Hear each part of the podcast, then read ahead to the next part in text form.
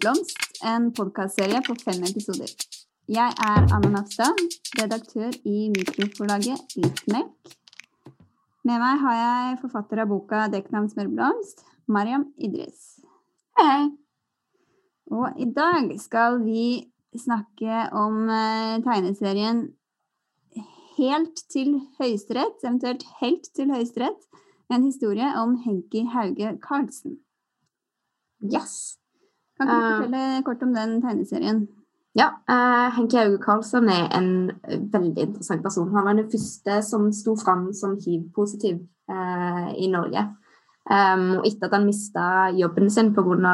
at han var åpen om, om hiv-diagnosen sin, så gikk han til rettssak, uh, og han vant. Og de rettighetene som hiv-smitta i Norge har i dag, eh, er mye pga. hans sitt eh, offer der. Um, så vi har mye å takke Henki Hauge Karlsen for. Mm. Mm. Og den rettssaken den foregikk i 1988. Mm. Um, og de offentlige samtalene om hiv og aids var jo definitivt på et annet sted da enn hvor vi er i dag. Mm. Og det er jo litt det vi skal snakke om i dag. Eh, hvordan vi skal formidle historien slik som den var, men uten at vi begynner å formidle utdatert eh, forskning Ja. uimotsagt. Og særlig når vi formidler til eh, ungdom, som vi jo eh, vi gjør gjennom denne boken her. Så hvordan balanserte du mellom formidling av historie, historisk feil forskning og oppdatert forskning?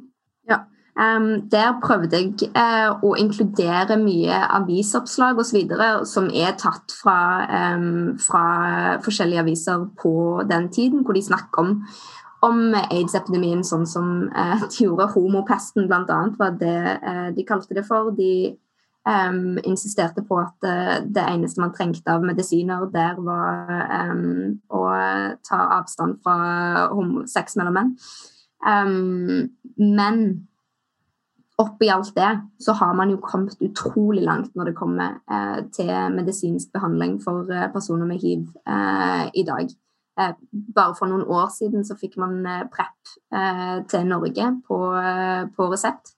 Eh, og det er et veldig stort skritt framover som gjør at HIV, personer med hiv kan leve et omtrent helt normalt liv. Med en kronisk sykdom, selvfølgelig, men allikevel.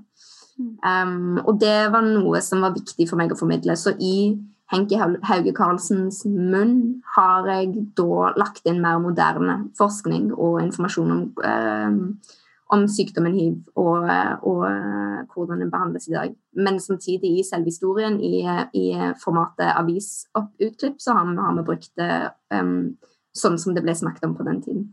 Ja, for, Mm. um, for det er jo det at den, den utdaterte forskningen er jo også en del av historien, Mm. Um, som på mange måter også er homofobiens historie. Mm. Ehm, og den homofobien gjorde jo at alt tok veldig mye lengre tid enn eh, det kanskje hadde trengt. Vi kan jo se det nå, med tanke på eh, under et Mm. år så har man vaksine for korona. Så Ja. det, er jo, det er jo viljen det står på. Det er det. det, er det. jeg, eh, altså, jeg husker at jeg eh, sjekka hvor mange det er til nå som har eh, dødd av eh, aids, og det er vel 40 millioner, eh, tror jeg. Og nå finnes det selvfølgelig medisiner og behandling, men det tok veldig, veldig lang tid. Eh, og helt og fullstendig Det er um, en veldig interessant eh, dokumentar som jeg òg har med i forordet, som jeg bare må anbefale eh, til folk inn, som heter 'How to Survive a Plague', som handler om hvordan skeive aktivister sjøl egentlig eh, utarbeider eh, medisiner og eh, og drev med politisk arbeid for å få um, penger til vaksine inn. Hvis vi hadde måttet gjort det med covid i dag, så hadde, ja, da hadde verden sett veldig annerledes ut. Jeg har ikke Så- Dolly Parton finansiert uh... Ja, sant. Hvilken var det hun finansierte? Jeg husker ikke. eh. Tusen takk, Dolly Parton. Ja, takk. Uh, ja. Em, når du eh, gjorde research på dette, fant du eh, ut om det var noe annen ungdomslitteratur på norsk som formidler denne eh, historien om aids? Nei, det, det, er ganske lite. Det er god, eh, god forskning, men det er eh, mye faglitteratur for eh, voksne. Dessverre. Um, som er dumt, fordi det er jo en historie som er viktig for ungdom i dag. Um, ja. Jeg tenker, eh, Hvordan lærer unge i dag om hiv og aids? Om, det, om de lærer om det liksom i forbindelse med sexundervisning og bruk kondom og, og sånne mm. ting. uten at man formidler kulturhistorien rundt, for aids har jo en mm. kulturhistorie. Ja.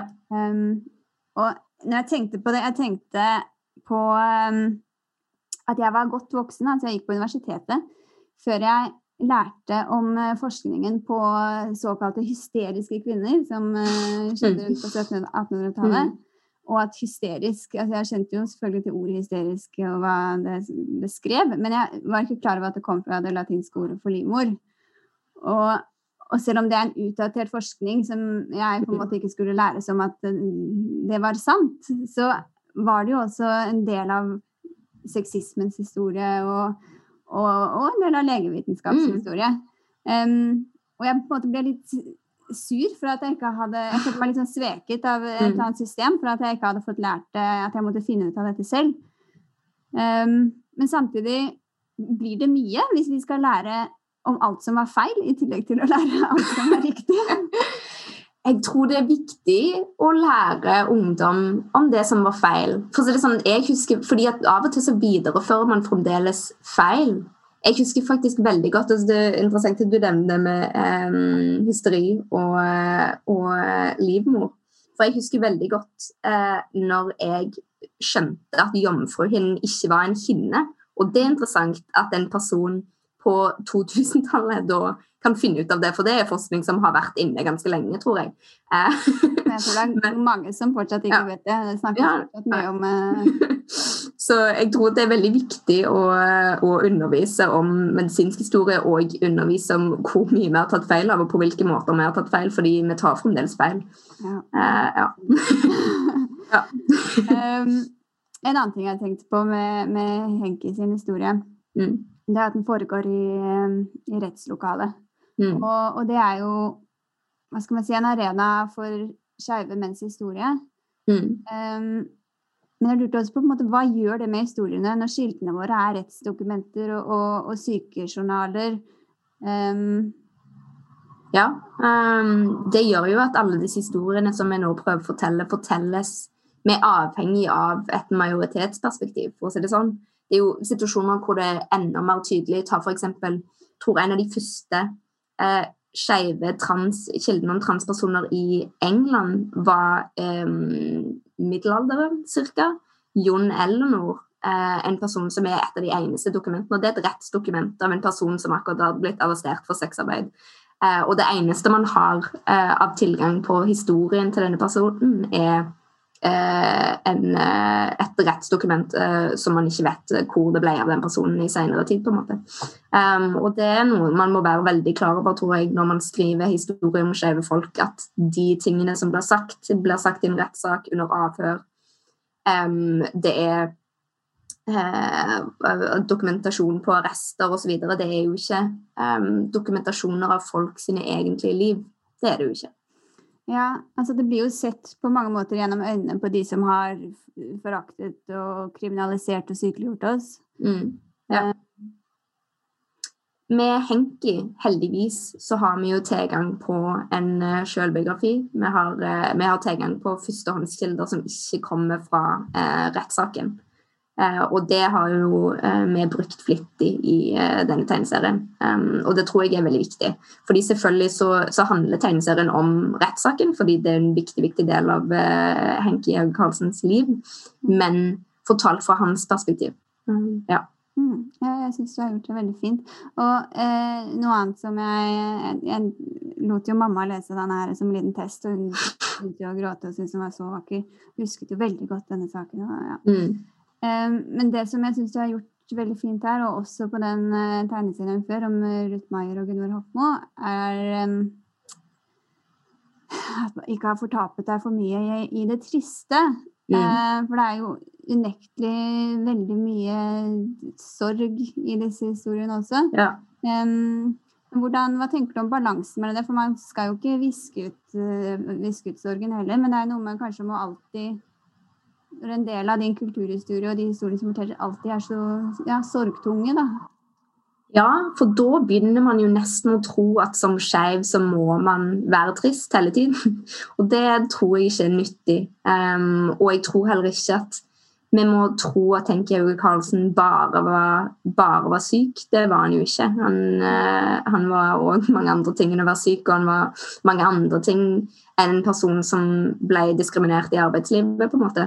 Samme måte som uh, Ruth Maier og Gunvor Hofmo var var mye annet enn alt det vonde som skjedde dem, og det må man òg huske. Eh, og man må huske tragedier, selvfølgelig, men man kan huske menneskene i tragediene òg. Og mennesker er jo aldri bare vondt.